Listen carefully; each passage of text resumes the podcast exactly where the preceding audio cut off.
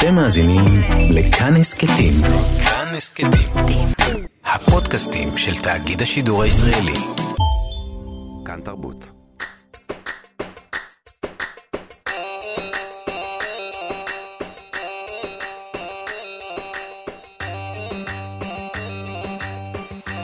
חתוכה וחסן. ערב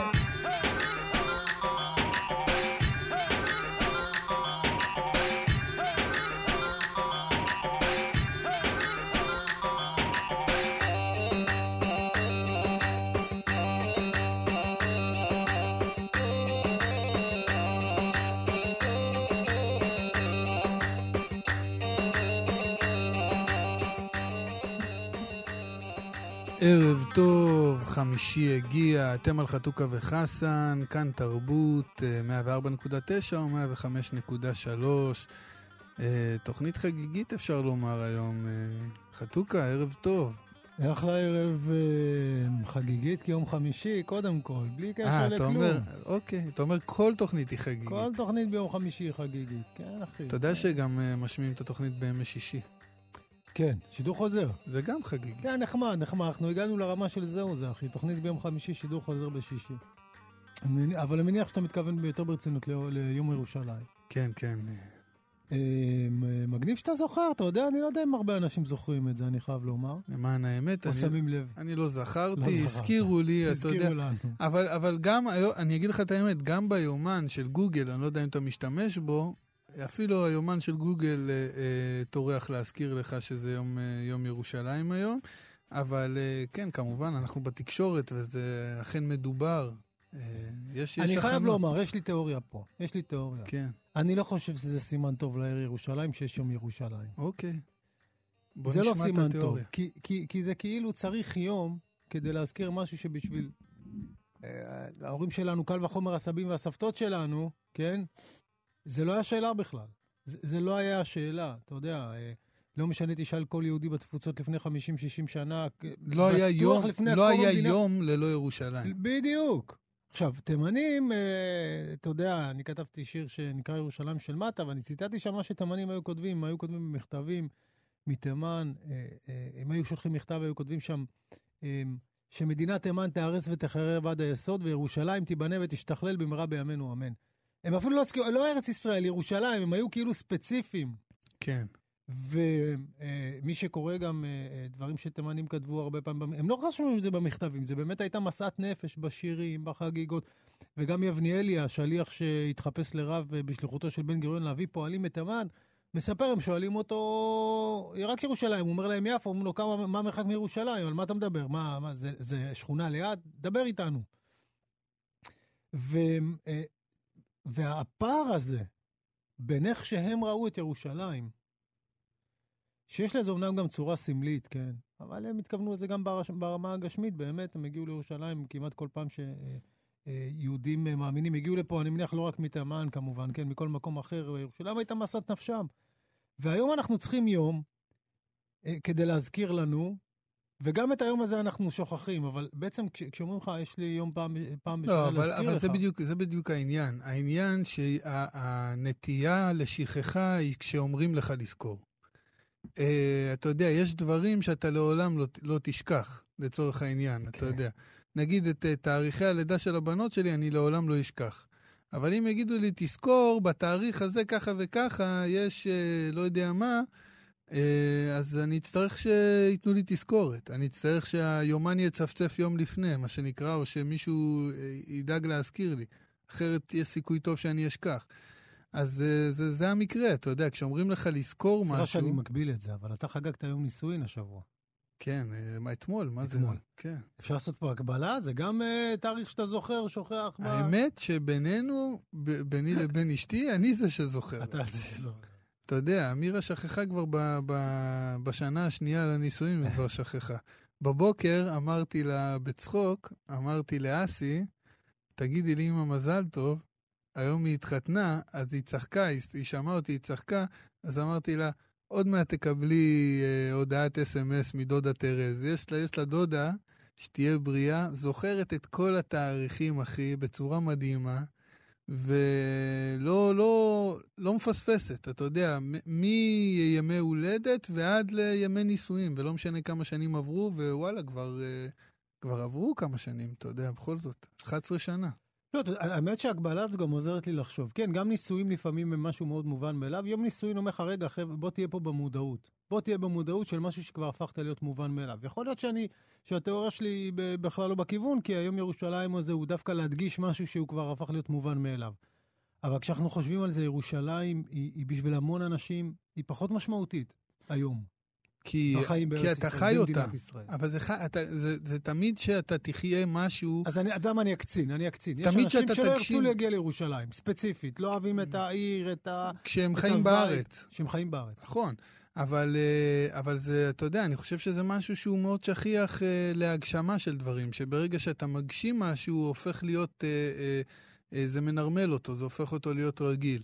אני חושב שעד היום, מבחינת המקום שמושך עד היום אנשים שהם לא ישראלים לארץ ישראל, להגיע לארץ ישראל, זה קודם כל ירושלים. אה, אני לא מזלזל גם בתיירות של תל אביב, וגם תל אביב אה, אה, בשנים האחרונות מושכת יותר ויותר תיירים, ומעניינת כעיר מודרנית, ואתה יודע, יש הרבה מה לעשות בתל אביב.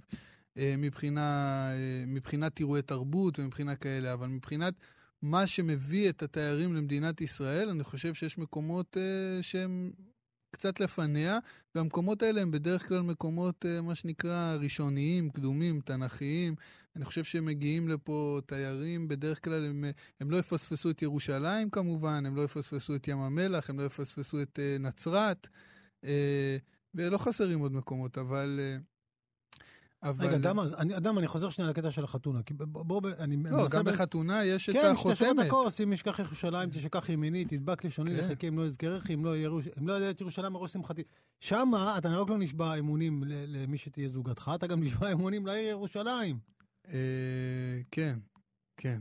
זה, זה חתיכת דבר. ש, או שיש פה, אם אנחנו מסתכלים על הטקסט אה, מבחינה, אתה יודע, אה, טיפה נכנסים לסאבטקסט של הטקסט, או לפירוש שלו, אז אולי יש הקבלה בין ירושלים לבין, אה, לבין האישה שבה אתה בוחר, אה, ש, שאיתה אתה בוחר לחיות. כי זה בעצם שבועה של הגבר, ובעצם הגבר נשבע לירושלים, אז uh, זה אולי עוד אחד מהשמות, אני לא יודע. צריך לבדוק את זה. אני חייב לומר, זה באמת מבלבל. איזה מקום ירושלים תופסת בחיים שלנו? האם יכול להיות שבגלל ש- שהכל מובן מאליו אנחנו לא מתייחסים לזה, ואז אנחנו צריכים כן, את היום הזה? לדעתי כן. או ששכחנו מזה לגמרי, ובגלל זה אנחנו צריכים את היום הזה? לדעתי כן, ולדעתי זה, אתה יודע, אני לא, אני לא, יכול, אני לא יכול להיות ציני אה, כלפי ירושלים. אני לא יכול להיות ציני כל, בכלל כלפי ה... כלפי החיים שלנו ב- בארץ ישראל. אני חושב שזה באמת, אה, אתה יודע, משהו שהוא אה, אה, על גבול הנס. אה, יש לנו הרבה ויכוחים עם, עם איך שהנס התחולל, או מה, מה שקרה עם הנס הזה, אבל עצם זה שאנחנו חיים במדינה עברית ומדברים את שפת הקודש, אה, כולנו, ומסתובבים במרחב שבו יש אה, אה חנויות עם שלטים שכתובים בעברית, זה לא יאומן שאנשים אה, מתקשרים בעברית, שאנחנו חיים פה במדינה הזאת, אה, בארץ הזאת, אחרי כל כך הרבה שנים של אה, כיסופים ו- ו- וציפייה. אז זה משהו שהוא, אתה יודע, הוא ניסי, זה באמת לא משהו שאפשר ל... אוקיי, okay. אתה יודע מה, אני אלך לכיוון השני. אין, היום אני זורק תיאוריות כמו זה. כמו מכונת כדורים שזורקת כדורי טניס אוטומטי. לא, ברצינות, אני אגיד לך, כשאנחנו חושבים על יום ירושלים, הרבה פעמים אני אומר לעצמי, אנחנו באמת חיים את המאבק על העיר הזאת. אנחנו עדיין נאבקים על העיר הזאת, זאת אומרת, אמ, אתה יודע, בשיחה בינינו קודם אמרת, היא מיקרוקוסמוס של החברה הישראלית. היא העיר היחידה בעולם, אה, בארץ, סליחה, שיש בה באמת את כל המרקם הכי מטורף שיכול להיות פה, מרקם שיש בו גם חיכוך. בגלל זה לא יש בה כאוס. כן. לא כמו תל אביב, שאני חייב לומר, ההפרדה היא מאוד מאוד ברורה, למרות שהיא לכאורה עיר ליברלית ביותר, אבל ברור לך היא מתוחמת, תל אביב. היא מתוחמת בלי מחסומים, אבל זה מדהים, אתה יודע, איך היא יכולה להיות מתוחמת עם מילים, או עם רעיונות הרבה יותר טוב ממחסומים. יש אה, גבול מסוים שאתה לא תראה כמעט ערבים מהצד השני שלו. וירושלים היא לחלוטין כל הזמן מעורבבת, והמאבק על ירושלים כל הזמן נמצא בכותרות, אם זה שגרירויות, אם זה איפה יהיה את הטקס פה, איפה יהיה את הטקס שם. אז אני אומר לעצמי, שמע, צריך יום ירושלים. אנחנו גם ככה כל יום יום ירושלים, וכמו שהיה ב... אתה יודע, אליסה בארץ הפלאות, אה, שהם חגגו את, ה, את הלא יום הולדת, כן? כי יום יום הולדת, הם חגגו כל יום שהוא לא יום הולדת, צריך לחגוג כל יום שהוא לא יום ירושלים. מה אני בעצם אה, מנסה להגיד? בוא נעשה יום אילת. לא, חכה, חכה עם אילת. אני רק רוצה להגיד לך משהו על זה. אה. באמת, יש לי משהו להגיד על זה. כי באמת, אה, אה, כשאתה אומר על זה שאנחנו עדיין נאבקים על ירושלים, אז אני אומר שהעניין של מאבק, אולי זה המהות שלה, באיזשהו אופן. כי כשאני חושב על זה עכשיו, ובכלל שלא חשבתי על זה קודם, כשדיברת, אתה יודע, אנחנו מדברים על זה שיש את הציפייה למשיח. ובעצם יש כאלה שגורסים שהציפייה הזאת היא ציפייה למשהו אה, שלא יכול להתממש, כי ברגע שהוא יתממש, הוא בעצם מאבד מהמהות שלו. אתה יודע, מה, מה, מה המהות של משיח כשהוא בא? כי כל, כל המהות שלו זה הכיסופים אליו. ואותו דבר ירושלים. לירושלים יש ברכה שאתה כל הזמן מתפלל בשנה הבאה בירושלים הבנויה. זאת אומרת, יש אולי איזשהו, אה, אה, מאחורי הדבר הזה, שירושלים הבנויה היא רק שאיפה, וכל המהות שלה הוא בכאוס הזה, ובבלגן הזה, ובטירוף הזה, ובערבוב הזה של כל האנשים אה, בתוך עיר אחת. תיאוריה יפה, תיאוריה יפה. תראה, אז מה אני אומר? בוא, אני, אז רק מוביל אותי באמת להדגיש את ההצעה, בוא נעשה יום אילת. אני, אני תמיד בעד. יום אילת, פעם בשנה, יום אילת, זה אומר אתה לא הולך לעבודה. אבל אתה גם, זה גם... עם כפכפים, עם מגבת, סטלבט, אין שום מטרה, לא קובעים כלום ביום הזה. אה, אני מקווה שאני לא משטיח את אילת, כן, אבל אתה מבין, אני מנסה להשיג את ה vibe הזה. חוף, אה, אתה הולך לים, משהו... אה, תשמע, אילת היא באמת עיר עם... עם vibe שונה מכל מה שיש בארץ. אותי לא צריך לשכנע לגבי אילת. אז זה רעיון טוב, אתה מודה, יום אילת פתאום. אבל אני לא יודע אם זה רעיון טוב, כי אתה קצת סותר את הטענה שלך. אתה באת עם תיאוריות ועכשיו אתה בא לסתור אותן. כי אם אנחנו נקבע יום אילת, אז הוא מהר מאוד יישכח. אתה רוצה, ש... אתה רוצה ש... שישכחו את אילת? אנחנו רוצים לזכור את אילת. לא, אבל... זה מה שאני בא להגיד, אנחנו חיים את ירושלים כל יום. את אילת אנחנו לא חיים. אה, תלוי את מי, תלוי את מי אתה שואל. אתה יודע, אני מבחינתי, אם יש עיר כן. אחת בארץ שאני, שאני מוכן לעבור לגור בה חוץ מחדרה, זה אילת. זאת אומרת, אילת זה, בשבילי באמת היא העיר הכי טובה בעולם. אני לא יכול לדמיין עיר יותר טובה מאילת. עיר שאפרופו דיברנו על, על, על ירושלים בתור העיר שיש בה הכל בצורה מוגזמת וזה, אז באילת זה מאוד דומה. רק שבאילת הקול הזה הוא לאו דווקא במרקם האנושי. הוא בעוצמות האלה של הערים הגבוהים האלה, והחזקים והאיתנים שעומדים מולך, אל מול הים הזה שהוא, שהוא לא נגמר. ומצד שני, אתה יכול לקבל את השקט הזה שיש אותו רק באילת, אבל, אבל זה לא השקט של סיני, כי יש בו גם מלא ברים, ובכל, אתה יודע, מה שאני מת על זה שאני מסתובב באילת, ויש לך רחוב צר אחד, שיש בו נגיד איזה 30 מועדונים וברים, וכל מועדון מוציא החוצה בוקסות כאלה ענקיים, ומשמיע מוזיקה בפול ווליום, שאתה הולך, אתה לא שומע שיר, אתה לא יודע איזה שיר מתנגן, אתה שומע 30 שירים ברצף. זה אנדרלמוסיה מופלאה בשבילי, עליי זה עובד נהדר, שלא נדבר על החום השמימי של אילת. Uh, טוב, אני לא יודע, אני... בוא אני, נקדם אני, את זה. אני חושב שצריכים לקחת אותי לקדם את, את העיר אילת, אתה יודע ש... בוא נקדם את יום אילת. אוקיי. נראה לי עלינו פה על משהו. אז בינתיים אנחנו... שיהיה לנו גם יוזמה לתוכנית הזאת, שיהיה פה חיר מהתוכנית. אבל אנחנו בינתיים ביום ירושלים, אז נקדיש שיר לירושלים. אוקיי, יאללה. יאללה, שיר לירושלים. חג שמח, חג שמח.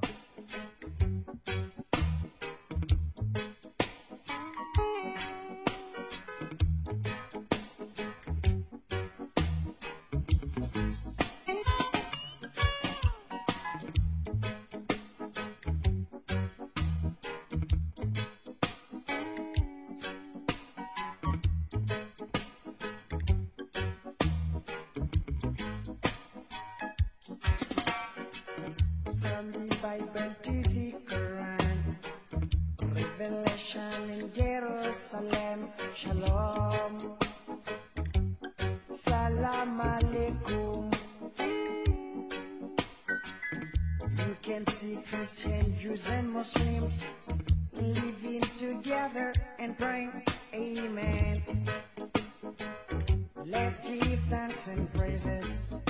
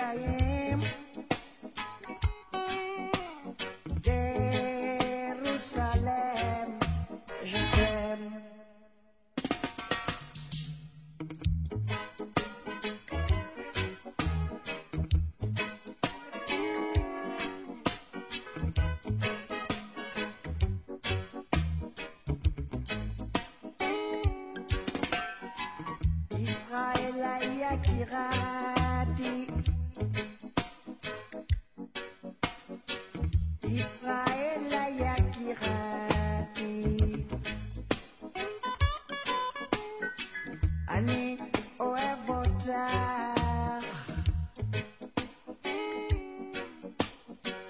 ישראל יקירתי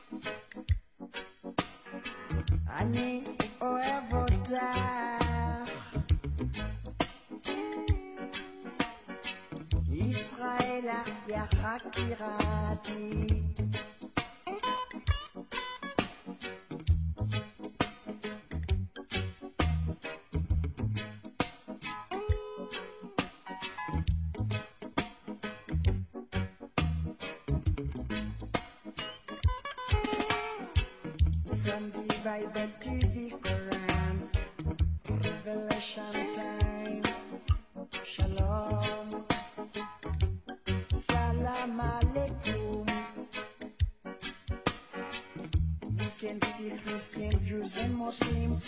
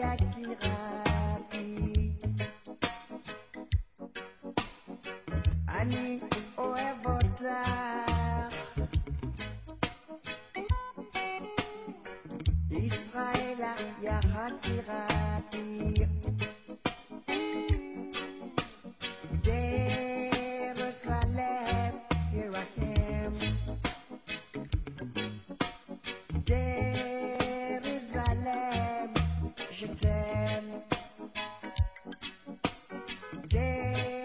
Jérusalem, here I am. Jérusalem, je t'aime. אלפא בלונדי בשיר אהבה לירושלים. אה, השיר הזה, לא שמעתי אותו שנים, האמת. הוא מזכיר לי את אה, איתי, זיכרונו לברכה, חבר שלי. אה, ככה מציב געגועים, אני זוכר, היינו ילדים, היינו שומעים אצלו את השיר הזה הרבה. אה, אבל אתה יודע, אחלה שיר, טוב להיזכר. כן, כן, טוב להיזכר. אה, אפרופו, אתה יודע, אפרופו ירושלים, השבוע נתקלתי יותר מדי באמת ב- ב- בירושלים ספציפית, אתה יודע, ב- אה, בנסיבות אחרות. אה, אתה יודע, אני סוף סוף נסעתי לבקר את בנימין. כן. בנימין בדרום, מה שנקרא, הוא קורא לזה השמ- השממה, אני לא יכול להתווכח איתו, זה השממה. מאוד קרוב ל- לעוטף עזה. לא ראיתי את בנימין ואת המשפחה שלו הרבה זמן, אה, ו... אתה יודע, נסעתי לבקר סוף סוף, גם אם נוסע לבנימין, אני בדרך כלל נשאר לפחות לילה אחד או שניים, אין טעם, אה, לא בא לי לנסוע ולחזור, זו נסיעה ארוכה, כיפית, אני אוהב לעשות אותה, ואני גם אוהב, אתה יודע, להישאר שם, ליהנות גם מה, מה, מהחברים, גם, מה, גם מהאזור. אמ, היו לנו כמה שיחות, הרבה פעמים יש לנו שיחות. בנימין הוא בן אדם שמקשיב להמון אנשים, חלקם, אני חייב לומר, שנויים במחלוקת, מה שיוצר אצלנו לא מעט ויכוחים. דיברנו על ג'ורדן, ג'ורדן פיטרסון, דמות מאוד שנויה במחלוקת, מבוקרת בהמון חוגים, מצד שני יש חוגים שמאוד אוהבים אותה. אמ, אבל תמיד זה יוצר שיחות מאוד מעניינות. אתה יודע, תמיד העניין יש שם, חוכמה יש ב- ב- בעולמות האלה. ואיכשהו אה, ירושלים הייתה שם איזשהו, איזשהו, אה, אפשר להגיד, אה, אה, מוטיב. הייתה במוקד. הייתה במוקד. הייתה במוקד בגלל שני דברים, שני דברים. אחד מהם הוא סיפור של אה, דוד וגוליית. סיפור לכאורה מאוד מאוד ידוע, נכון? אה, בני ישראל צריכים להילחם בפלישתים, אה, והם נתקעים זה מול זה. אתה יודע, אה, למטה עמק האלה, משני הצדדים שאול וכל הצבא, ומצד שני אה, אה, עומד צבא, ושניהם, אה, אף אחד לא יודע מי יעשה את הצעד הראשון, כי יש שם אה, אה, גיא, עמק, ו- וכל מי ש... אתה יודע, כל מי שירד ראשון, הוא בעצם יהיה חשוף. כל צבא שירד וינסה לעלות ולכבוש את הגבעה ממולו, הוא בעצם יהיה חשוף. אה, וכמו שאנחנו יודעים מהסיפור המקראי, בעצם... אה, מה שקרה הוא שכדי לפתור את הקונפליקט הזה, עשו משהו שפעם היה מאוד מאוד מקובל לעשות. ראש בראש. ראש בראש, כל אחד יבחר נציג, כשהם יגמרו את זה, הקרב מבחינתנו יהיה סמלי המנצח, take it- all. ו- וזה מה שגם הם רצו לעשות זה הרבה הפעם. יותר הגיוני בסופו של דבר, מקרבות אה, עקובי דם של אה, עשרות ומאות אנשים. אתה יודע, עושים אחד מול אחד, זה כמו קרב אגרוף. משהו כזה, קרב אגרוף שהוא סמלי, אבל הוא תופס את כולם, הוא תופס את כולם. לא, כן. מי שמנצח, ניצח. זה, זה, זה, זה, זה, הניצחון הוא קולקטיבי, אבל ה... כן. אז זהו, ראיתי איזו הרצאה של מלקולם אה, אה, גלדוול, אה, שהוא אה, פובליציסט קנדי, שכותב היום בניו יורקר, הוא גם דמות שנויה במחלוקת, אה, יש, יש, יש רעיונות שאני עדיין ככה מתעמת איתם, אבל אה, ל- בכל מה שקשור לדוד וגוליית, אה, הוא חוזר על, אה, בעצם מסכם מאוד מאוד יפה אה, את, את הפליאה שלו. בהרצאה שאני ראיתי לא הייתה שם את התשובה, אבל אני אספר לך. תראה, על פי כל האמות מידה שאנחנו מכירים, דוד וגוליית זה סיפור של הקטן מביס את הגדול. כי כמו שאמרנו, בסיפור שבו קרה, הפלישתים אמרו, הנה יש לנו נציג, שלחו את גוליית, גוליית הוא מה שנקרא ג'אבר, מה זה ג'אבר? יעני, אה, מסוג האנשים שאתה רואה באמצע הרחוב, אתה בורח, זה לא משנה אם זה בסמטה חשוכה או ברחוב מואר. ב- ברחוב מואר. הוא נראה לא רואה בעיניים, הוא גם, יש לו טרשטוק. אתה יודע, הוא אומר, יאללה, תביאו כבר מישהו, תביאו לי לפה. גם היה לו רפרטואר. רפרטואר הוא, הוא. מופיע בתור אה, אה, לוחם, אה, עצום, רב גדול ניסיון. מימדים, רב ניסיון. חד משמעית. מאיים, ומי- איך? מאיים. מאיים מאוד, מאיים מאוד. אמ, ומהצד השני עומד לך אה, צבא שלם, ש- בינתיים אף אחד לא שולח נציג, כאילו, בני ישראל לא שולחים כל כך נציג, קצת פדיחות, לוקח זמן, מתמהמהים. כן, ובס- בטח עשו בחירות, יצא שוויון, לא רצו לעשות איחוד, לא רצו לבחור נציג, הלכו לעוד בחירות. אף אחד לא התנדב, בוא נגיד את האמת, אף אחד לא התנדב. ואז מגיע דוד. שהוא בעצם רואה צאן עד אותו זמן, לא כל כך בטוח, מוניטין אין לו וכאלה, ואומר, מה זה הפדיחות האלה? מישהו פה צועק, אה, כולכם פחדנים, אה, יאללה, אני יורד. עלה מהנוער. עלה מהנוער.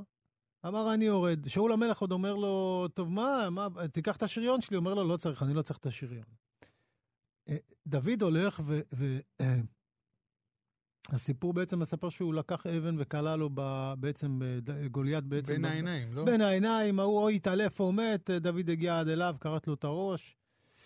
אמ, ואנחנו תופסים באמת את הקרב הזה כקרב אה, ששוב, החלש ניצח את החזק, אבל, אבל כשנכנסים קצת לעובי הסיפור הזה, מגלים שם משהו מאוד, אה, מאוד מעניין לאט לאט שאתה קורא בו. אה.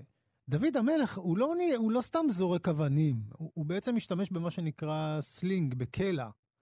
וזה לא רוגטקה, זה קלע שבעצם הוא, הוא סוג של רצועה, שבאמצע שלה יש, זה ממש כמו חגורה, תחשוב על חגורה שבאמצע שלה יש מקום שאתה שם אבן, אתה מסובב את זה, אתה משחרר צד אחד, והאבן משתחררת. זה נשק רב עוצמה. זה נשק חזק ביותר. דוד המלך בעצמו אומר, כש, כשהוא מספר בעצם למה הוא מוכן להתנדב לקרב, הוא אומר, תשמעו, אני הרגתי אריות, אני נלחמתי בדובים, בכל מי שניסה לטפ... לטרוף את העדר שלי עם הנשק הזה. עכשיו, אה, אה, אה, בעצם הוא מספר על עצמו, הוא לא מספר על הנשק, כי הנשק, כמו שאני אומר, הוא מאוד מאוד ידוע, והוא גם שימש בקרבות כל הזמן בעת העתיקה. אפשר לומר אולי שהוא התחיל, אה, הוא התחיל ב- בעניין של אה, לוחמה אווירית. זאת אומרת, אולי זה היה פעם... זה צלפות, זה יותר צלפות, אני חושב. זה, כן. זה ממש צלפות, ו- ויש ראיות ש- שבעצם הקלעים היו גם סוג של מחלקות שלמות. זה היה נש... מחלקה מאוד מאוד רצינית בכל צבא שמכבד את עצמו באותו זמן. וכמו שאמרתי, אה, אה, אתה יכול להרוג מישהו ממרחק של 100 עד 200 מטר גם, עם אבן כזאת. אה, לפי, לפי איינשטיין אנחנו אולי נחזור לזה. יח... אולי... כן, כן, מלחמת העולם הרביעית, הוא אמר, כן, נכון. אולי, אולי נחזור כן, ל... אז אולי כדאי להתאמן כבר, אתה אומר. בקיצור, תשמע, זה נשק רב עוצמה, והוא נשק שאתה יודע, אתה יכול להגיע איתו לדיוק מאוד מאוד גדול, כן? הכל שאלה של אימון. איך אומר אה, ברד פיט בסרט, אה, אה, בסרט אה, של טרנטינו? איך מגיעים לקרנגי הול? מתאמנים. לא יודע איזה סרט, האחרון? לא, נו, עם כי הנאצים. אני לא ראיתי את האחרון. אה, אוקיי. אוקיי. איך לא לזה? זו- שכחתי. טוב, אנחנו נזכור. נזכור תכף. אה, אה, קרנגי הול הוא בעצם אולם מאוד ידוע אה, בארצות הברית, בניו יורק ספציפית, אה, מגיעים לשם בעצם הנגנים הטובים ביותר, זה קצת מצחיק, הוא אומר, כן, אתה מתאמן, אתה מגיע לשם. כל מי שמתאמן בקלע יכול להיות מאוד מדויק, וכמו שאמרתי, זה מכה קטלנית, ואם מישהו רוצה לחפש וידאוים של זה ביוטיוב, אה, מוזמן, זה, זה, זה מרשים וזה מפחיד. זה לא סימפטי בכלל. אז בעצם מגיע, מגיע הקרב שבו גם גוליית אה, ניצב מצד אחד, דוד מצד שני. אה, בוא נאמר ככה, בתור התחלה, לשניהם יש נשק קטלני לכאורה, נכון? זאת אומרת, כבר אי אפשר לזלזל בדוד. דוד לא מגיע סתם ככה עם איזה רוגטקה, זה לא ילד עם רוגטקה. זה מישהו שמאומן בנשק מאוד מאוד קטלני, מאוד מאוד מדויק, נשק שהיה מאוד מקובל. אוקיי, גם לגוליית היה נשק. אז קודם כל, את, את הזלזול בדוד הנחנו בצד, אבל מצד שני, כשמסתכלים על גוליית, אומרים, אוקיי, הוא ג'אבר שגם הגיע עם נשק, לאט לאט מבינים שבעצם הוא גם היה עם חסרונות לא קטנים. המקרא מלמד על זה שמישהו מוביל אותו לקרב. כתוב, מישהו לוקח את הצינה לפניו. והתיאור הזה גם יכול להיות בעצם מאוד מובן, כי בעצם מישהו הוביל אותו, כי הוא לא ראה טוב, כי הוא לא רואה. ויש כבר חוקרים לפני 50 שנה שדיברו על כך, שאולי יש פה סימנים שבעצם אה, גוליית סבל ממחלה שסובלים לה הרבה ענקים. אז הפלישתים היו בבעיה קשה. האם הלוחם הכי אה, מהולל שלהם היה... הוא לא התכונן לקרב? הנכון, הוא גם אמר לדוד, הוא אמר, תשמע, הוא מבחינתו, אה, אה, קרב פנים אל פנים סבבה, אבל ל-200 מטר הוא לא רואה. בוא נאמר ככה, רוב הסיכויים שהוא לא ראה את האבן ש- שמגיעה אליו. כי הוא גם אומר לדוד, הוא אומר לו, הוא קורא לו, אומר לו, בוא, בוא, בוא, בוא הנה, בוא, אני אפרק אותך, בוא, בוא הנה. זאת אומרת, הוא, הוא, הוא, א', הוא מצפה שהוא יבוא אליו, ב', הוא גם לא שם לב שדוד בכלל לא, לא לבוש לקרב פנים אל פנים. המקרא מאוד מדגיש את העובדה שגוליית היה לבוש שכפ"ץ, דוד לא, ממש לא. זאת אומרת, בא הוא ב- קז'ואל, דוד בא קז'ואל. קז'ואל. בא ישר מהמרעה, לא מהצאן, הבין, כן, לא הבין לחלוטין, לא הבין לחלוטין. אה, עם שרוואל וסנדלים. כן. אפרופו, יש סיפור מאוד מעניין. דוד כורת את הראש של גוליית, בהר צדדית, אני אומר, ומביא אותו לירושלים. ככה כתוב במקרא. אבל ירושלים עדיין לא הייתה בשליטת בני ישראל אותו זמן. אז יש פה איזושהי בעיה מקראית. אבל נחזור שנייה לבעיה, למה לא, בעצם, לא, למה אין- בעצם... אין בעיה כן. מקראית. אבל נתת פה בעיה ורצת קדימה. זה לא, לא, לא, סביר להניח שזה לא בעיה מקראית. אה, אתה יודע, בספרות העניין של הזמן הוא לאו דווקא רציף. וכשאומרים שהוא לקח את ראשו לירושלים, אז אתה יודע, זה, הוא, ש- הוא שימר את ראשו, יכול להיות, עד, ש, עד שהם אה, הלכו לירושלים משם, אתה יודע. שמר על ה... זה לא משהו שנפטרים ממנו, בוא נגיד ככה, גם אם אתה עובר מקום. זה איזושהי ראייה כנראה מאוד חזקה בזמנים ההם, שאתה מביס את האויב הכי גדול שלך, אני יודע, או משהו כזה. תראה, על פניו יש פה דו-קרב, שאחרי שבאמת שומעים עליו כמה דברים, אתה, אתה באמת חושב, רגע, זה, זה קרב הרבה יותר שקול, או, או שזה קרב שהוא בעצם הרבה הרבה יותר לטובת דוד, אם אני מסתכל על התנאים. יש לך פה עיוור שלא קולט אה, שיש נגדו מישהו שבעצם הוא צלף בכלל. אמ, אז למה באמת אה, התפיסה הייתה שדוד מול גוליית היה חלש מול חזק? זאת אומרת, אפשר למצוא פה, אפשר למצוא פה אולי סימנים לסיפור הזה, אבל, אבל, אבל זה נשמע כאילו ההגבלה הזאת היא מאוד מאוד מוגזמת. אני אגיד לך למה. אה, אני אגיד לך למה. א', בגלל גורם ההפתעה, אף אחד לא ציפה לדוד.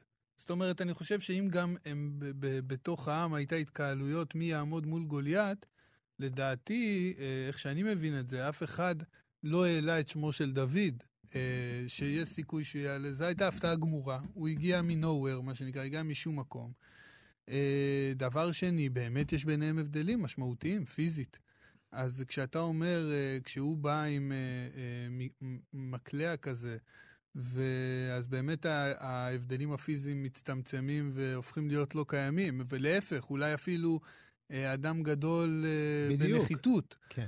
אבל, אבל אם אתה שם אותם אחד מול השני, ואת זה שמדובר ב, בלוחם המ- המהולל ביותר של הפלישתים, כי בדרך כלל הם נהגו גם בקרבות האלה של הראש בראש להעמיד תמיד מכל צבא את, ה, את המפקד, את, ה, את הלוחם הכי אה, ומיומן שלהם. ומולו עומד מישהו שהוא כביכול לא מיומן, לא לוחם, אולי הוא כן מיומן בכלי נשק, אבל זה מישהו ש... אתה יודע, התאמן אה, בינו לבין עצמו, מה שנקרא. אז פה אני מסכים איתך. זאת אומרת, יש פה באמת סיפור שהמשל שלו הרבה יותר מעניין, זה פריצה. זה פריצה של שחקן לא, מהנוער. תחשוב, אבל זה אפילו יותר מהנוער, אתה יודע מה, תחשוב על כדור... נגיד, אתה אומר כדורגל, זה אפילו יותר מהנוער. זה, זה יותר דומה לזה שפתאום יבוא מישהו מהקהל, יעלה לשחק וינצח את המשחק. אתה מבין? זה, יותר, זה אפילו יותר מהנוער, כי ההוא מהנוער עוד איכשהו עובר אימונים, הוא חלק מה, מהארגון. כן. אבל זה מישהו שבא מהקהל. כלומר, יש לנו פה, יש לנו פה מין שלד סיפורי, שהוא באמת פחות קשור ל- לחזק, חלש מול חזק, אלא יותר לפריצה של אחד שהגיע from nowhere. עכשיו, אני אספר לך את זה, ובאותו זמן אני גם אה, בבנימין, אה, ואני איכשהו הגענו לדבר גם על אה, אורי מלמיליאן, כן? בנימין אוהד את בית"ר ירושלים מאז ומתמיד, ואורי מלמיליאן, השחקן מממילה, אתה יודע, הוא הגיע מהשכונה, הוא הגיע מהקהל, הוא גם הגיע מהקהל. ואורי מלמיליאן היה גם מי שהביא בעצם את הגביע הראשון לבית"ר ירושלים. ושוב, אתה יודע, אני חושב על איצטדיון כדורגל, הם שיחקו מול, מכבי תל אביב ב-1976. איצטדיון כדורגל זה לגמרי ה- הפלישתים מול בני ישראל ועמק האלה. זה, זה כאילו פיזית, זה, זה כמעט העתק מושלם של המצב הזה. יש לך באמצע את העמק, למטה, משחקים הנערים, או מי להילחם שם, ומצד אחד יש לך את אה, אה, האוהדים של בית"ר ירושלים, מצד שני אוהדים של מכבי תל אביב. אמ, וקרה שם משהו מעניין. תראה, מבחינה אנושית, אה, קרה שם משהו מעניין, אורי מלמיליאן כבר, בוא נאמר כבר היה לו מוניטין, כבר ציפו ממנו, כן? עוד לא היה תואר אה, כזה לביתר ירושלים, הם מגיעים לגמר. אמ, דני נוימן אה, כובש את הראשון, דקה 41, אה, אה, ויקי פרץ משווה למכבי תל אביב, ויש פנדל לקראת סוף אה, המשחק של אורי מלמיליאן, ו... לא הוא של, של ביתר, של ביתר, מלמיליאן סליחה. לוקח את הבעיטה. מלמיאן לוקח את הבעיטה, הכדור עף לשמיים. מה זה לשמיים? הוא אמר לכיוון הקרן העפתי אותו. לא עמד בלחץ. לא עמד, הוא אמר, הרגליים שלי היו כמו עופרת, הרגשתי אותם. עכשיו, אה, תראה, אה, אני חושב שנתקענו ברגעים כאלה בכדורגל, אבל אה, אני חושב שכבר להיות על המגרש זה לחץ לא קטן. כבר להיות על המגרש זה לחץ. וככל שיש יותר דממה, הלחץ הוא יותר גדול. זאת אומרת, ככל שיש בלאגן, טק, טק, טק, טק, אתה לא חושב, הקהל לא חושב. תחשוב שאתה מקבל מסירה, שאתה ליד, שפתאום יש לך קצת ריצה, אז, אז יש לך זמן לחשוב, לקהל יש זמן לחשוב, לשוער יש זמן לחשוב, נוצר טיפ-טיפה לחץ. אתה יודע, זה לא שאתה מקבל עם העקב, אתה מכניס את... ככל שיש זמן בינך לבין הבעיטה, ופנדל זה הרגע שבו באמת יש את הכי הרבה זמן, הכי הרבה דממה, ואז נאסף לחץ והכל. זה אם, אם צריך לזקק את הלחץ של משחק בלייב, אני חושב שפנדל הוא הדבר הכי משמעותי. והרבה, קש, והרבה קשלו בו, ואורי מספר שם, אורי מלמיליה אומר, תשמע, אני, אני רציתי למות באותו רגע, לא ידעתי את נפשי. המאמן, יוסי בכר, והקהל לא הפסיקו להמשיך לעודד אותו, אמרו לו, אורי, אורי, אתה תמשיך. אה, התמזל, התמזל מזלו אה, אה, בהערכה. הכדור חופשי שהיה ליד אה, הקרן, הוא היה אמור בכלל להגביה אותו, אבל הוא אמר, שמתי לב שיש שם איזה פינה רחוקה שאפשר לעשות שם איזה משהו עם בעיטת בננה. וזה מאוד הזכיר לי, את, אתה יודע, דוד המלך, אבל אה, יכול להיות שאנחנו נמצא, נמצא קצת, קצת איזה שהם הבדלים, אבל אתה יודע, יש פה גם את הרמה של לקחת את האבן ולדייק אותה למקומות. הצלף, הצ... הצליפה. הצליפה הזאת ככה למטה, כשיש שקט. עכשיו, יכול להיות שאתה, ש, שזה קצת פחות לחץ מפנדל, אבל יש מתח, יש מתח, אתה יודע, הרמה לקראת הכדור, ואני בטוח, אחי, שהם עשויים מאותו חומר. אבל זה גם גורם ההפתעה. זה עצם זה ש... שאתה יודע, כשיש פנדל, אז גם השוער דרוך. לא רק השחקן מולו, שעומד מולו בלחץ, גם השוער דרוך. אבל פה, וזה, פה אני חושב שזה אה, משיק קצת לדוד, אה, מלמיליאן ב, ב, ב, בעניין הזה, בא משום מקום, הוא בזווית לא זווית, ליד הקרן, אף אחד לא ציפה שהוא יבעט לשער, ודווקא בגורם ההפתעה זה מה, ש, מה שהביא לו את התהילה בסוף. וזה גם אה, מראה על זה ש, שאתה יודע, אולי אה, בסוף תושייה היא יותר... אה, יותר גדולה מכל דבר אחר, אפילו יותר מלעמוד בלחץ או לא לעמוד בלחץ.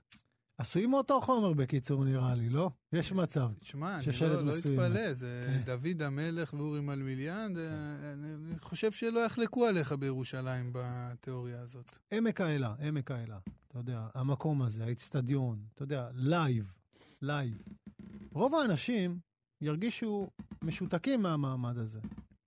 יש אנשים, כן, אתה יודע, אנחנו יכולים גם להזכיר את הסדרה של ג'ורדן, שהיינו מאוד מרותקים אליה, וכמה האיש הזה נדלק ספציפית בעמק האלה, במקום הזה, בלמטה, במתח, בדרמה. זה המקום שהכי מדליק אותו, נותן לו הכי... זה המקום שהכי ח... הוא חי אותו. די, דיברו על ג'ורדן יותר מדי. אני מצרף אותו פה לרשימה מאוד מכובדת. באמת. מדבר על העיקרון. אני על אגיד, העיקרון. אני אגיד לך דבר כזה, בוא נדבר על משהו שלא דיברו עליו יותר מדי, אה, ובגלל ששבוע הבא, בעזרת השם, זה ערב חג שבועות יוצא התוכנית, ויש לנו תוכנית מיוחדת לשבועות, אה, תוכנית ביקורים, אז, אה, אז אנחנו בעצם נפספס את הרגע לפני חזרת ה- ליגת העל בכדורגל. אה, הליגה הישראלית חוזרת. אה, אני לא יודע, מה איתך? אתה, אתה מתגעגע? אתה, זה חסר לך? פחות. אתה, ליגת האלופות מאוד חסר לי. יפה. אהבתי שלפחות לי. אתה עונה בכנות. ב... כן, אחי, מה... אבל, אה, אבל אני מבחינתי, באמת, אם אנחנו נחבר עכשיו את האייטם הראשון ואת האייטם הזה, אז זה אולי שני הדברים שהכי היו חסרים לי אה, אה, בתקופת הקורונה, ב, בסגר הזה. אה, או שאולי הדברים שהכי התגעגעתי אליהם. מצד אחד הייתי יושב בבית כל יום והייתי אומר, יואו, איך בא לי להיות באילת עכשיו. אם הייתי עכשיו באילת זה היה כל כך הרבה יותר טוב כל הסגר הזה. זה מה שישב לי בראש. ודבר שני, שלא הפסיק לנקר לי, זה איך לקחו לי את הכדורגל. אז הנה, ברוך השם, הכדורגל חוזר, ואו-טו-טו אולי נקפוץ לאילת. הנה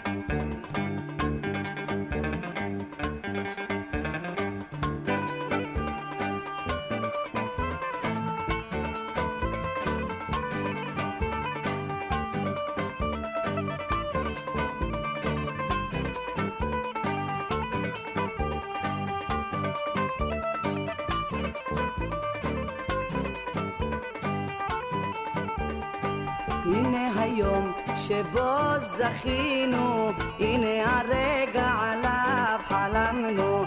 עם אלמיליאן ודני נוימן הביאו לנו התהילה. עם אלמיליאן ודני נוימן הביאו לנו התהילה.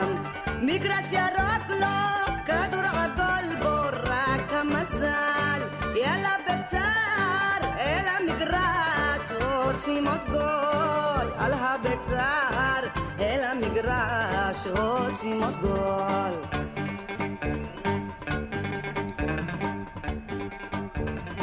ירושלים של ביתר, הבאנו לך גביע מוסף, אלפי דורות נחשף לכך, עוד והדר הביא ביתר, אלפי דורות נחשף לכך, עוד והדר הביא ביתר, מגרש ירוק לו, כדור עגול בו, רק המזל, על הביתר אל המגרש רוצים עוד גול, יאללה ביתר, אל המגרש רוצים עוד גול.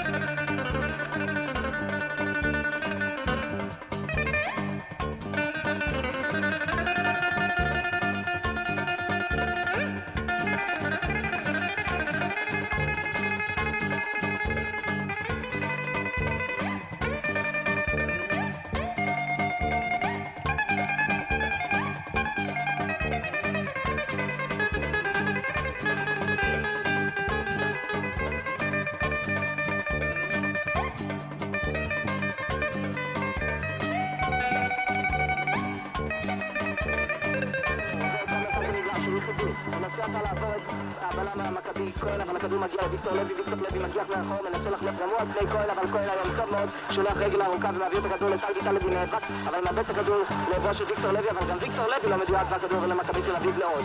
עוז מאחור מגיח, אבל גם הוא במסירה, בהחלט לא מוצלח והכדור מגיע לבסוף לרוזבלום. רוזבלום מגינה של קבוצת בית"ר ירושלים מעביר את הכדור לוויקטור לוי. ויקטור לוי מסירה מעט שמאלה לעברו של נוימן, נוימן עם הכדור, מנסה לחלוף אותה לאגף השמאלי, עובר את ירון עוז, סלימן מגיח לעברו אבל עובר גם אותו, נוימן עדיין עם הכדור, עובר ונכשל. נכשל די קרוב לדגל הקרן בצד ימין, וזה יכול להיות מצב מסוכן מאוד עבור מכבי תל אביב כאשר חלפו שבע דקות מפתיחת ההערכה השנייה, משמע אנחנו עכשיו שבע דקות וחצי, בדיוק בדיוק שבע דקות וחצי עד לסיום 120 דקות.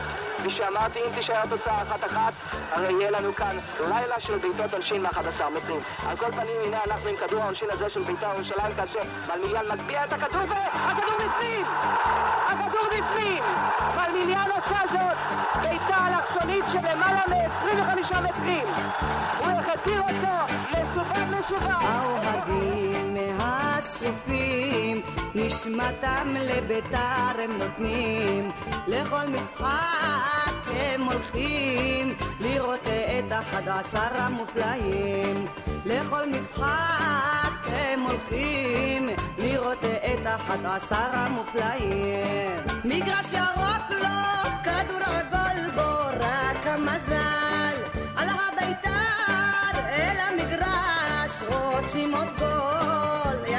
ביתר, אל המגרש, רוצים עוד גול.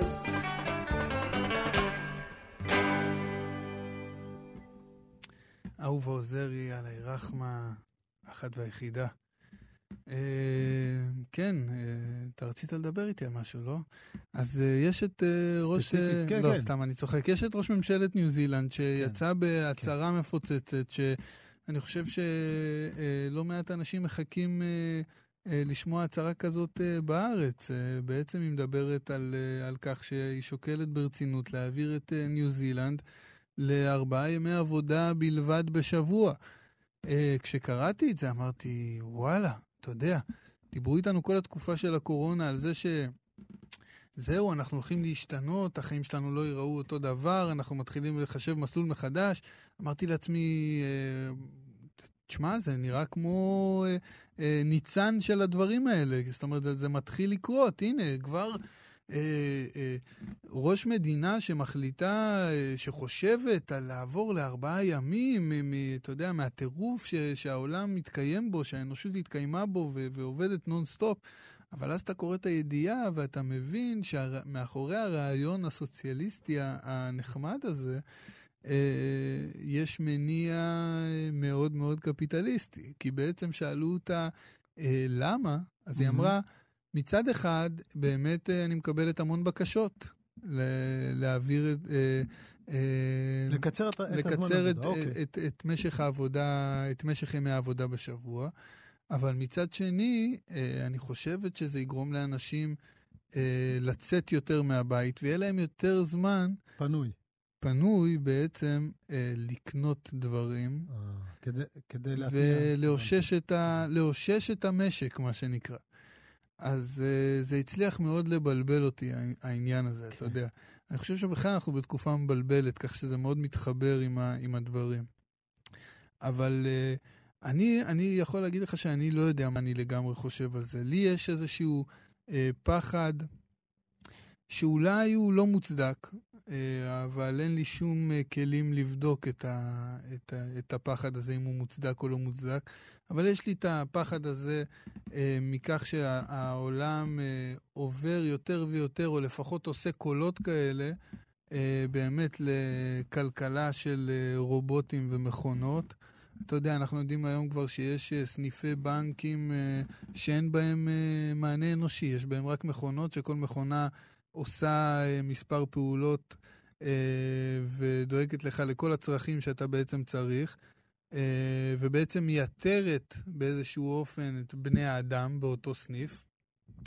כולנו מכירים היום את האפליקציות, שזה בעצם הדרך הכי נוחה אה, אה, להתנהל בה. אני מודה, אתה יודע, אני גם בעצמי מתנהל דרך האפליקציה, זה באמת חוסך ממני להיות בבנק.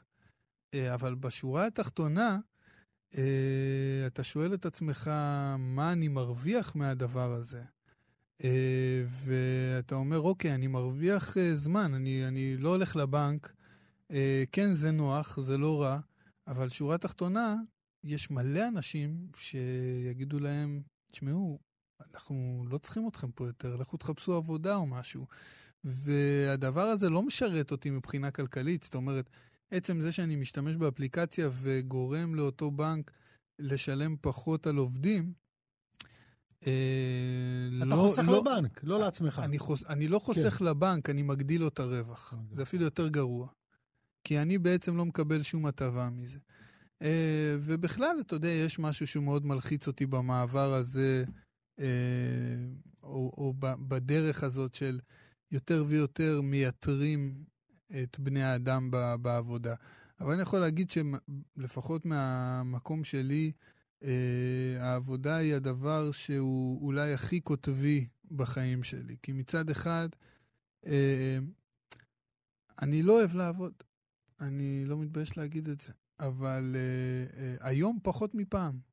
פעם נורא לא אהבתי לעבוד, כי גם נורא לא אהבתי את העבודה שלי. היום אני עוד חי עם זה בשלום, אבל ככה, אם תשאל אותי אם אני אוהב לעבוד, לא, אני לא אוהב לעבוד. מצד שני, אני לא מסוגל לא לעבוד. זאת אומרת, אני בן אדם כזה שאתה יודע, יש לי, אה, אה, יש תאריך תפוגה לכמה אני יכול להתבטל. אז אצלי זה, זה נע איפשהו בין שני הדברים, ודווקא אני חושב שבשנים האחרונות אני נמצא באיזשהו מקום מאוזן ובריא בכל מה שקשור לעניין של עבודה. זאת אומרת שאני לא, אה, אתה יודע, לא, לא, לא זנחתי את העבודה, אבל מצד שני אני גם לא אה, באטרף של העבודה. כי באמת יותר מדי שנים בחיים שלי, אה, בוא נגיד 30 שנה מ- מ- מתוך ה-37, אה, אז אולי לא 30 שנה, כן, אבל בוא נגיד מגיל 16, גיל 15, עבדתי קשה מאוד. תראה, אני רוצה להגיד לך משהו בקשר לעבודה, בקשר לעבודה, אה, שאמרת קודם גם בקשר לסגר. ואתה יודע, אנ- אנחנו יצאנו מסגר לעבודה, ואני חושב שאנחנו מאוד התבלבלנו. אני חושב שמאוד מאוד התבלבלנו. ואני, אה, אני, תרשה לי לתת לך את הסיפור המקראי של אדם וחווה בתור איזשהו אה, סמליות, כן? כי, אתה יודע, אדם וחווה היו בגן עדן. הם לא היו צריכים לעשות כלום, לא היו צריכים לעבוד, לא היו צריכים לעשות כלום, הכל הגיע אליהם, היה להם זה בשביל, הכל היה להם, רק אמרו להם אל תעשו כך וכך. הם אכלו מעץ הדת והעונש שלהם היה, אה, אה, לאישה היה עונש אחד בצר תלדי בנים, לגבר אמר, אה, בזעת אפיך תאכל לחם. מה זה בזה? הוא אומר, מעכשיו אתה תצטרך לעבוד כדי עד לשרוד. עכשיו, עד עכשיו קיבלת הכל מן קיבלת הכל, המוכן. עכשיו אתה צריך לעבוד כדי לשרוד. צא החוצה, צא מהסגר. לך תעבוד. עכשיו, הוא היה בסגר בגן עדן. עכשיו, אנחנו התבלבלנו, אנחנו בהתחלה נכנסנו לסגר, אמרנו, בואנה, זה, זה, זה גורם לנו להשתגע, אבל לאט לאט אני חושב שגם הבנו. היוצרות התהפכו. אנחנו, לא, מח- כן. היום מחשיבים את גן עדן בתור העבודה, ולא... בדיוק. אנחנו פתאום הבנו ש... אני חושב שלאט לאט, אף על פי שהסגר, כמובן, אני מניח שאם כולנו היינו בסגר באיזשהו גן עדן שיכולים להסתובב ולאכול, היה לנו יותר קל. והקושי כמובן היה להיות סגורים בתוך כלובים, אבל גם הכלובים האלה הם באיזשהו מקום תוצאה של עבודה ושל קפיטליזם, ובאיזשהו מקום נראה לי שאנשים, בחלקם, או לפחות אני מקווה, הרגישו, הבינו, תשמעו, ה- אנחנו כבר התרגלנו לגיהנום הזה כל כך, שאנחנו כבר חושבים שהוא גן עדן. כן. אבל זה לא גן עדן. אתה יודע, ואם נגיד אנשים עמדו בפקקים אה, וייללו על זה, היום עוד פעם, אתה תחזיר אותם לפקקים, זה, זה, אתה יודע, זה נתפס משהו לא נורמלי. אז השאלה היא באמת עד כמה מצד אחד העבודה שומרת על השפיות שלנו, כי- גם זה, גם זה מאוד מאוד קשה לעשות. שאלה עד כמה זה חשוב לשמור על השפיות שלנו. שאלת, זה שאלת, אה, עכשיו יש- אנחנו צריכים עוד שעה עכשיו של לדבר על זה. אבל, אבל אפרופו, אנחנו מדברים על עבודה קשה, אז אולי ככה אני כן. אכניס את זה ככה לקראת סיום. אה, כשאנחנו מדברים על עבודה קשה, אז אתה יודע, אני לא יכול שלא לחשוב על מיילס דייוויס. יש סרט בנטפליקס שיצא לפני כבר איזה חודש בערך, סרט נוראי באמת. אני באמת ממליץ לכם לא לראות כן, לא אותו סרט- לא אם סרט אתם כך לא אה, אה, ממש משוגעים על מיילס דייוויס. אה, זה באמת סרט, עוד פעם, מבחינה אומנותית, סרט נוראי, talking heads, ממש לא, לא מושך ולא מעניין ואין בו שום... אה, אבל מה שכן, אה, אני חושב שהוא, שוב, זה, אולי השירות הכי טוב שנטפליקס עושים, הם באמת אה, מנגישים אה, אה, אה, נושאים, או לפעמים אנשים, אה, לקהל רחב של צופים שאולי לא היו שומעים או מגיעים למיילס דייוויס, וזה אולי חשוב. ואתה רואה בסיפור של מיילס דייוויס אדם שעבד נורא קשה כל החיים שלו.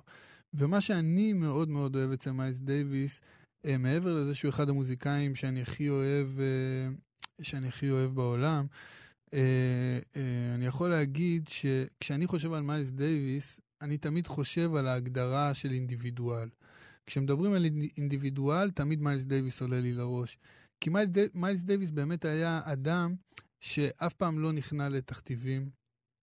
ואתה יודע, כאדם שחור, אה, הסיפור שלו הוא, הוא, הוא, הוא לא הסיפור השכיח. הוא אה, גדל במשפחה עשירה מאוד, הוא ספג את הגזענות ואת הקושי דווקא מתוך מקום של יש ולא מתוך, מקום של אין. אם זה באושר אה, של, אה, של הוריו, ואם זה אה, דרך זה שהוא היה כישרון יוצא דופן אה, מבחינה מוזיקלית, אה, ועצם זה שאתה יודע, הדיסוננס הלא נתפס הזה שהיה אצלו כשהוא הופיע אה, באירופה, בעיקר בצרפת, והתייחסו אליו אה, בכבוד של מלכים, וחזר אה, חזר חזרה לביתו, מה שנקרא, והוא גם מת- מתארים את זה בסרט, שכל פעם שהוא...